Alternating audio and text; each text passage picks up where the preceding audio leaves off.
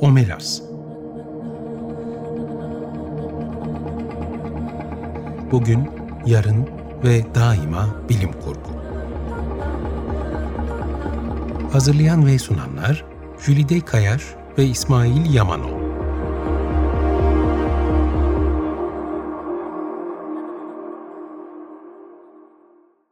Merhaba, 95.0 Açık Radyo'da Omelas'a hoş geldiniz. Ben Jülide Kayaş. Ben İsmail Yamanol. Ee, bilim kurgu konuştuğumuz programımızı artık e, takip ediyorsunuz. İlerledik programımızda alt türleri konuşmaya başladık en son. Geçen programımız o yüzden biraz ansiklopedik hatta sıkıcı olmasından korktuğumuz bir şekilde ilerledi. Hızlandırılmış bir bölüm gibiydi. Tam anlamıyla öyle. Pek çok türden söz ettik. E, bu türlerden birisi de e, kıyamet ve kıyamet sonrası bilim kurgu dedik. E, bu konuyu da bir uzmanla konuşalım istedik. O yüzden bugün stüdyoda bir konuğumuz var. E, sevgili akademisyen e, arkadaşımız Mikael Boz. Hoş geldiniz. Hoş bulduk. E, Mikael Boz sinemada bilim kurgu ve kıyamet kitabının yazarı. E, kendisini bir kısaca tanıtacak olursam... E, Ege Üniversitesi'nde önce Marmara Üniversitesi'nde radyo, televizyon ve sinema, Eskişehir Anadolu Üniversitesi'nde sosyoloji bölümünü bitiriyor. Ege Üniversitesi'nde radyo, televizyon ve sinema alanında yüksek lisans ve doktorasını tamamlıyor. E, 2001 yılında sinema alanında doçent oluyor. Halen Isparta Uygulamalı Bilimler Üniversitesi'nde sinema ve iletişimle ilgili alanlarda lisans ve lisansüstü dersler veriyor kendisi. E, çalışmalarınız daha çok e, iletişim, sinema alanında e, galiba Dünya Türk Sineması ve bilim kurgu. Evet, Bu konuda temel, öyküleriniz de var. Temel çalışma konum aslında bilim kurgu sineması e, ve kıyamet olgusu ama bunun dışında işte nostalji, kimlik, benlik, e, yabancılaşma, Türk sineması, dünya sineması konularında da çalışmalarım var. E, bunun yanında hobi amaçlı yazdığım kısa öykü ya da uzun novellalar var. Bunların bir kısmını geçmişte yayınladık. Bir tanesi Yeryüzü Müzesi kitabında yayınlanmıştı. E, hobi amaçlı da e, edebi eserlere ilgileniyorum diyebilirim. E, bunların hepsini bir araya getirince şu anda elimde de olan e, mesela sinemada bilim kurgu ve kıyamet kitabı çıkıyor. Bu sizin galiba e, lisansüstü e, tez çalışmanız mıydı? Evet doktora tezime aslında dayanıyor ama doktora tezimde de aslında büyük ölçüde farklı. E, bu konuyu ele aldığımda tabii dünyada herhangi bir pandemi e, salgını gerçekleşmemişti. 2018 yılının Mayıs ayında tezimi tamamlamıştım. E, tezimi bitirdiğim dönemlerde bu konu ya da kıyamet sonrası olgusu biraz böyle bilim kurgusal. E, çok da gerçekleşmesi muhtemel değil ama gerçekleşebilir olasılık dahilinde olan bir konu gibi gözüküyordu. Pandemi bunun gerçekten de olabileceğini aslında bize hatırlattı. E, ama o zamanlar e, biraz da benim kendi yoğunluğum ve özel hayatımdaki konulardan dolayı e, tezimi yeniden ele alıp onu bir kitap halinde yayınlama zamanı imkanı bulamamıştım. Pandemi birazcık böyle dinginleşti. Ben biraz daha zaman buldum ve neden bunu kitaplaştırmayayım diye düşündüm. Çünkü literatürde çok ciddi bir boşluk vardı. Hem e, Türkiye'deki e, bu konudaki yazılmış olan literatürde hem de şaşırtıcı biçimde e, dünyadaki e, yazılmış olan bu bilimsel araştırmalara baktığımızda kıyamet sonrasını sistematik bir şekilde ele alabilen çalışmalar çok fazla değildi. Hatta hiç yoktu diyebilirim. E, ama bu pandemi olgusundan sonra yeniden dünyada bu konuya yönelik bir ilgi başladı. Kitaplar, yazılar, makaleler çıkmaya başladı. Spesifik olarak sadece kitap, e, filmleri ya da kitapları konu alan araştırmalar başladı. Böyle bir ilgi çekti diyebiliriz. E, pandeminin böyle olumlu etkileri de oldu diyeceğiz neredeyse değil mi? Böyle bir üretkenliğe, bir verimli olmaya itti çoğumuzu sanırım. Evet aslında bilim kurgu sinemasından e, genelde bizim beklediğimiz e, temel unsurlardan birisi onun bizim bilincimize, zihnimize yani duygularımızdan ziyade bilincimize hitap etmesi, bizde bir yabancılaştırma etkisi yaratmasıdır. E, buna genelde novum diye e, bahsederiz. Bir yenilik olması lazım. Bizi içimizdeki bu yaşadığımız dünyadan, yaşadığımız evrenden e, uzaklaştırıp ona biraz daha uzaktan bakmak, onu sorgulayabilmek ve yeni bir şeyi düşlemek olarak nitelendirebiliriz. E, ve e, bu konularda da bir ilgi artmaya başladı. E, aslında yaşadığımız dünyayı mutlak bir gerçek, mutlak bir veri olarak kabul etmek zorunda değiliz. Onun alternatiflerini düşünebiliriz. Yeni bir dünya, yeni bir yaşam. E, o bilim kurguya da temel olan o vadinin ötesindeki o güzel yeri aramaya hala devam edebiliriz. E, belki pandemi bize e, bu konuda bir itikleyici güç olmuştur diyebiliriz belki. Ee, ben bir kitabın içeriğinden e, birkaç şey söz edeyim. İçindekiler bölümünden söz edeyim. Ondan sonra İsmail senin de soracakların var muhakkak. Ee, Örneğin başlıklardan şöyle bir söz edersek tarih boyunca kıyamet düşüncesi, sinemada tür kavramı ve bilim kurgu sineması burada artık sinemayı irdelemeye başlamışsınız. Arkasından Amerikan bilim kurgu e, sinemasında post apokaliptik filmlerin dönüşümü, 2000 öncesi filmlere genel bakış, 2000 sonrası filmlere tematik bakış. E, hatta sonlara doğru gittiğimizde geç kapitalizmde yıkıcılığın kökenleri, otonomi arayışı, yenilik istenci ve umut ilkesi bunların e, irdelendiği e, kapsamlı bir kitap. Peki en temelde kıyamet nedir? E, nereden başlıyor? Nasıl oluyor? Biz bu kıyamet fikrine nereden geldik? E, günümüze kadar nasıl getirdik? Buradan bir başlayalım mı? Bu kıyamet olgusuna baktığımızda daha doğrusu bu çalışmaya ilk başladığımda e, ben de bu kavramlara kısmen aşinaydım ama üzerine biraz literatür üzerine okumalar yaptığımızda e, garip bir iki değerlilik gördüm. Mesela kıyamet kavramına baktığımızda kıyamet e, işte içinde yaşadığımız dünyanın e, genelde bütün küresel boyutta gerçekleşmiş olan bir felakete aslında ifade ediyor. Dünya çapında gerçekleşmiş bir yıkım, bir felaket, bir tufan, e, ne bileyim bir savaş gerçekleşiyorsa buna apokalips diyoruz. Örneğin en yakın zamanda 2012 filmi apokaliptik bir filmdir. Çünkü kıyametin nasıl gerçekleşeceğini bize görselleştirir. Filmin şimdiki zamanı kıyametin gerçekleştiği zamandır.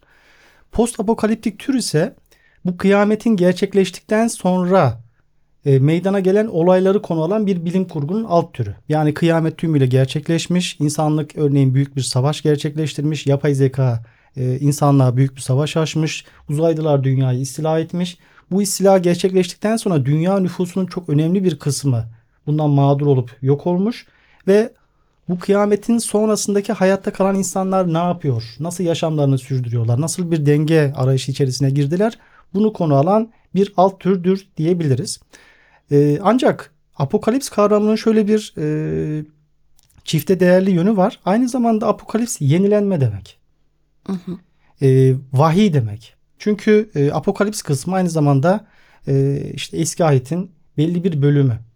Bu bölümde e, Tanrı e, işte dünyadaki yıkımın nasıl gerçekleşeceğini, mahşerin dört atlısının dünyada nasıl büyük bir etkilere sebep olacağını, insanlığın nasıl büyük bir savaşa gireceğini, e, İsa'nın yeni bir kurtarıcı figür olarak gelip nasıl bir yeniden dirilişi sağlayacağını anlatır.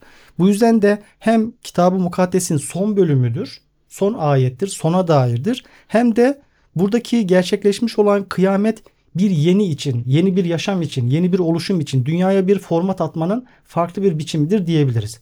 O yüzden e, hem Zerdüştlük'te olsun, e, sonrasında semavi dinlerin hepsinde karşımıza çıkan olgu bu kıyametin hem bir yıkım hem de bir yenilenme arayışı olarak kurgulandığını ya da nitelendirdiğini görüyoruz. Bu yüzden bizim ele aldığımız hem bilim kurgu türünde hem de edebiyatta karşımıza çıkan bu kıyamet her zaman için yenilenme için bir kıyamet olgusudur diyebiliriz.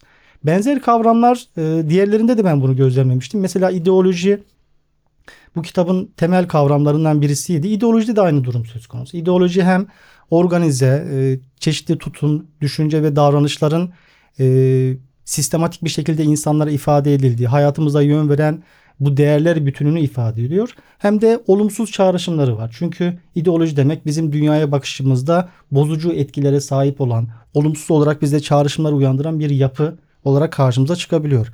Aynı zamanda e, mitolojilerde de bunu görüyoruz. Mitoloji bir yandan bize e, hikaye anlatıyor. Geçmişe ilişkin çeşitli kahramanların başından geçen hikayeleri konu alıyor. Ama aynı zamanda mitolojiler e, mit yaratma potansiyelleri bakımından dünyaya ilişkin algımızın bozulması demek. Dünyaya ilişkin hakikati görememe demek. Mitler demek.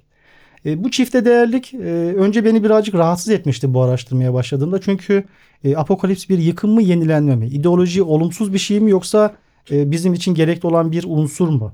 E, mitler e, geçmişe ilişkin anlatılar mı yoksa bugün üzerinden kaçınmamız gereken e, bozucu etkiye sahip olan bir şeyler mi diye düşünmüştüm. Sonra dedim ki aslında bu e, çalışmaya yön veren aslında güçlü bir omurga olabilir. Tam da bu çifte değerlik içinde yaşadığımız bu modern dönemin bu antroposen çağının e, temel unsurlarından birisi olabilir. Mitler hem bir anlatı hem de bu anlatıya tümüyle teslim olduğunuzda olumsuz çağrışımlar olan bir şey. İdeoloji hem sizin hayatınıza yön veriyor ama tümüyle ona angaja olmaya başladığınızda hayatınızda olumsuz etkiler yaratıyor. E, Apokalips'te hem bir yıkım ama aynı zamanda bu yıkımın bir iyiye dönüştürülme ihtimali olduğunda olumlu bir şeye dönüşebiliyor. Hani ünlü bir söz vardır ya e, gecenin en karanlık anı aynı zamanda e, gündüzün gündüze de en yakın olan andır derler. Aslında post apokalipsin böyle bir e, işlevi de var bilim kurguda. Daha başka bir işlevi de ben mesela filmlerde görüyorum. Bazı filmler e, o yıkımı hiç göstermiyor. O yıkımın ne olduğunu bize anlatmıyorlar. Sadece o yıkımın sonrasını izliyoruz. E, böyle anlatı türleri, tercihleri de yapılabiliyor yönetmenler tarafından. Bir diğer dikkatimi çeken şey de özellikle Soğuk Savaş döneminde e, post apokaliptik ya da apokaliptik filmlerin e, bir çeşit e, siyasi propaganda aracı olarak kullanıldığını da görüyoruz. Aslında bazı ideolojilerin e, çığırtkanlığını yapan filmler de çekilmiş. Bu konuda ne düşünüyorsun? Aslında e, yine post apokaliptik türün tarihine zorunlu olarak bakıyoruz aslında. E, tez yazarken e, bize düşen konulardan birisi bu konunun bir özetini çıkarmak. Literatürde bu konuda kim ne demiş, hangi filmler var, bu filmler ne zaman çekilmeye başlanmış diye baktığımızda benim dikkatimi çeken unsurlardan birisi e, apokalips meselesinin, apokaliptik anlatıların e, neredeyse sinemanın e, erken dönem, başlangıç dönemlerine kadar uzadığıydı. E, ilk film Danimarka'da çekiliyordu. 1910'larda çekilmiş olan bir film. Hemen 1920'lerde de Hollywood'da e, çeşitli işte büyük deprem felaketlerini işte bir virüsle dünya nüfusunun ortadan kalkmasını konu alan bu türden e, apokaliptik ya da post apokaliptik filmlerin yavaş yavaş çekilmeye başladığını görüyoruz.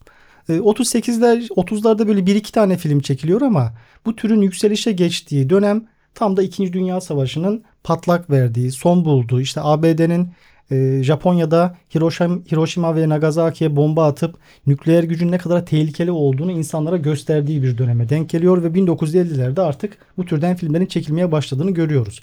1950'lerde genelde özgürlükçü tonda filmler çekiyor. Çünkü bu savaş tehdidi henüz sıcak o e, hala gerçekleşebilir bir etki olarak, Olumsal fenomen olarak karşımızda aynen. duruyor. Bundan dolayı insanlık bundan nasıl kaçınabilir diye bunu göstermeye çalışmışlar 1950'lerde ama 1960'larda e, mesela Sıfır Yılı gibi filmlere baktığımızda bu muhafazakar ton birden artmaya başlıyor. İşte bu filmlerde genelde şunu görüyoruz. Bir kıyamet gerçekleştiğinde e, buna ilişkin bir mücadele yapılabilirden değil hemen işte bir aile babasının kendisini ve çevresindekileri korunaklı bir bölge yerleştirip etrafındaki herkesi düşman olarak algılayıp onlara karşı giriştiği bir savaş biçiminde ortaya çıkıyor. Bireysellik var orada tamamen değil mi? Evet artık konu Hı hı. toplumsal bir sorun, sosyolojik bir sorun, Hı hı. mesele olmaktan çıkıp bireyin kendi hayatını sürdürüp sürdürememesine indirgenmeye başlıyor. Bu türden ağır muhafazakar diyebileceğimiz insanlara biraz daha bu türden olumsuz mitleri taşıyan filmleri e, görebiliyoruz ama Kitabında bunlar böyle bir grafik de vardı değil. zaten. Evet. Bunları ayrıştırdığın, e, okura verdiğim bir grafik de vardı. Filmleri daha çok ideolojik hangi tarafta durduğuna göre e, Evet sıraladın. böyle bir e, diyelim ki e, aslında ideolojik bir e, yayılım yaptığımızda işte en soldan en sağa doğru yerleştirdiğimizde en sağda işte faşist türde filmler de karşımıza çıkabiliyordu. Komünist ya da sol diyebileceğimiz, sosyalist diyebileceğimiz filmler de ama e, tabii birikme e, Amerikan sinemasının genel yapısına uygun bir Evet. şekilde liberal, merkezci bir ideolojide yoğunlaşıyor Evet. diyebiliriz. Dilerseniz bir müzik arası verelim. E, konuğumuzun da çok sevdiği bir grubu dinleyelim. ACDC. Back to E, Black. Back to Black. Dinliyoruz. Tekrar merhaba 95.0 Açık Radyo'dayız Omelas'ta. Ee, konuğumuz Mikael Boz'la e, kıyamet e, üzerine konuşuyoruz. Sinemada bilim kurgu ve kıyamet üzerine konuşuyoruz. Ee, geçen birinci kısımda şeyden söz etmiştiniz. İkinci Dünya Savaşı'ndan sonra özellikle bu kıyametle ilgili, kıyamet ve kıyamet sonrası kurguyla ilgili e, filmler, eserler verilmeye başlandı. Atom Bilimcileri Bülteni diye bir oluşum var biliyorsunuz. 1947'de sembolik kıyamet saatini e, ortaya attılar. Hala da devam eden bir şey. Bu kavramı bize biraz açar mısınız? Nedir? Şu anda ne durumdayız? Yani bunu aslında şu bakımdan da soruyorum. Biz bilim kurgudaki kıyametten söz ederken aslında gerçek hayatımızda da böyle tıkır tıkır işleyen bir kıyamete doğru giden bir gündemimiz var. Bu ikisini bir arada nasıl değerlendirirsiniz? Baktığımızda sinema toplumsal yaşamdan, siyasal olaylardan kesinlikle bağımsız e, bir tür değil. Onu genelde yankılamayı çok seven bir tür. Ve İkinci Dünya Savaşı gerçekleştikten sonra gerçekten de e, Atom Bilimcileri Derneği'nin üyesi olan çeşitli bilim insanları insanlığın bütün bir tarihini 24 saatlik bir dilim olarak ele aldığımızda e, o 24. saatte o son saniyeye ne kadar yaklaştık diye bir e, bir yansıtma yapıyorlar, bir projeksiyon yapıyorlar ve buna ilişkin bir atom saati belirliyorlar. Bu atom saatine e, o kıyamete ne kadar zaman kaldığını saniyelerle bildiriyorlar. Örneğin e, bu konuda işte Küba füze krizinin gerçekleştiği dönemlerde işte 30 saniye 40 saniyeye kadar düşmüş. E, ve bunu her yıl yeniden dünyadaki o politik, siyasi, e, savaş risklerini değerlendirerek yeniden bir saati yeniden ayarlama yapıyorlar. Bu pandemi öncesinde işte Trump'ın iktidara geldiği dönemlerde 45 saniyeye kadar düşmüştü. Bu aslında bize şunu söylüyor. İnsanlık e, aslında o kadar da e, bu dünya üzerinde kök salmış olan bir tür değil. Geçmişte büyük felaketler gerçekleşti. Her ne kadar içinde yaşadığımız çağ antroposen çağ yani insan çağı olsa da insanın doğa üzerinde, dünya üzerinde geniş çaplı bir etkisinin ve bunların da genellikle olumsuz etkisinin olduğunu görsek de e, kırılgan bir türüz ve dünyayı yok etmemiz durumunda kendi yaşam alanımızı yok etmiş olacağız. Bu atom bilimcileri de bu zamanın ne kadara kaldığını e, bize gösteren, bu konuda bizi uyaran, eğer dikkat etmezsek, kendimize çeki düzen vermezsek bu yıkımın gerçekleşmesinin aslında çok kısa bir zaman dilimi içerisinde olabileceğini gösteren bir saat hazırlamışlar. Doomsday Clock diye İngilizce olarak hazırlamışlar ve Türkçe'de de buna e, kıyamet saati olarak çevirisini yaptık. Mesela yıkımdan bahsediyoruz. Özellikle işte e, post apokaliptik kurguların e, başrolünde her zaman bir yıkım vardır. Zaten bütün anlatı onun üzerine kurulu. Peki bilim kurgu sinemasında en fazla karşılaştığımız yıkım çeşitleri nedir? En fazla karşılaşılan yıkım çeşidi tam da 2. Dünya Savaşı'nın mantığına uygun bir şekilde nükleer savaş ya da savaşlar olmuş.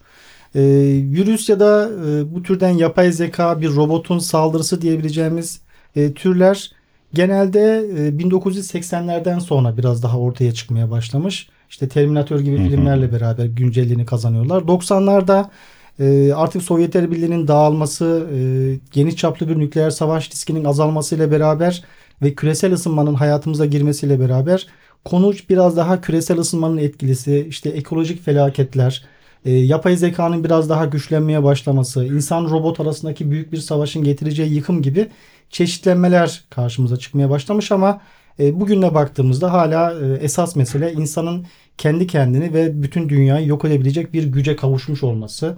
E, örneğin çar bombasında olduğu gibi aslında dünyayı bütünüyle yok edebilecek bir bomba, bir fiziksel gücü elimizde var. O yüzden de nükleer savaş en büyük tehdit unsuru olarak karşımıza çıkıyor. Ee, peki e, tüm bu konuştuklarımızdan sonra bu konuda önerebileceğiniz, izleyin diyeceğiniz filmler nelerdir?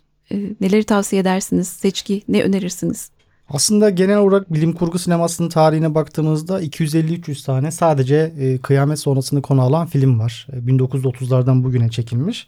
E, bizi takip eden e, dinleyicilerimiz eğer böyle biraz daha blockbuster yani büyük bütçelerle çekilmiş olan filmlere ilgi duyarlarsa e, benim en çok sevdiğim filmler gene de Blade Runner e, 2049, e, Interstellar, işte Mad Max serisi, Matrix'i e, tavsiye edebilirim. Artificial Intelligence iyidir. Animasyon severler için e, Wall-E filmi çok güzeldir. E, robot, kopyalar, e, biraz böyle biliş, bilişsel yabancılaşmanın da daha güçlü olduğu bir eser olarak Oblivion belki olabilir. Onları tavsiye edebilirim. Peki bunca şeyden sonra enseyi karartmalı mıyız? Hiç umut yok mu? Bence umut var. E, aynı kıyamet kavramının kendi e, özündeki o çifte değerlikte olduğu gibi e, hem yıkım hem de bir yenilenme arayışına bunu dönüştürebiliriz. E, kıyamet filmlerinin bütününe baktığımızda umut ilkesinin sönmediğini ben hep gözlemlemişimdir. İnsanlık yıkılır, e, insanlığın büyük bir kısmı felakete uğrar ama yeni bir diriliş, yeni bir umut ilkesinde inşa etmeye çalışırlar. Zaten kıyamet sonrası filmlerde bizim temelde karşımıza çıkan olgu bu yeni yaşamın neye dayanacağı, aramızda bizi uzlaştıracak olan o toplum sözleşmesinin nasıl yapılanacağı üzerine bir tartışma olarak. Ben eski bunları... hataları devam ettirecek miyiz ondan vaz mı geçeceğiz? Evet genelde zaten eski hatalar e, tekrar edildiğinde yeni bir döngüye dönüşür. İnsanlık yeniden kendi e, teknolojisini, yaşamını inşa eder. Büyük şeyler, büyük projeler gerçekleştirir ve yıkım yine karşımıza çıkar. Hatta bunu bir döngüsel süreç olarak ele alıp e, erken dönem bilim kurgu sinemasında tematik olarak işleyen filmler de olmuştu.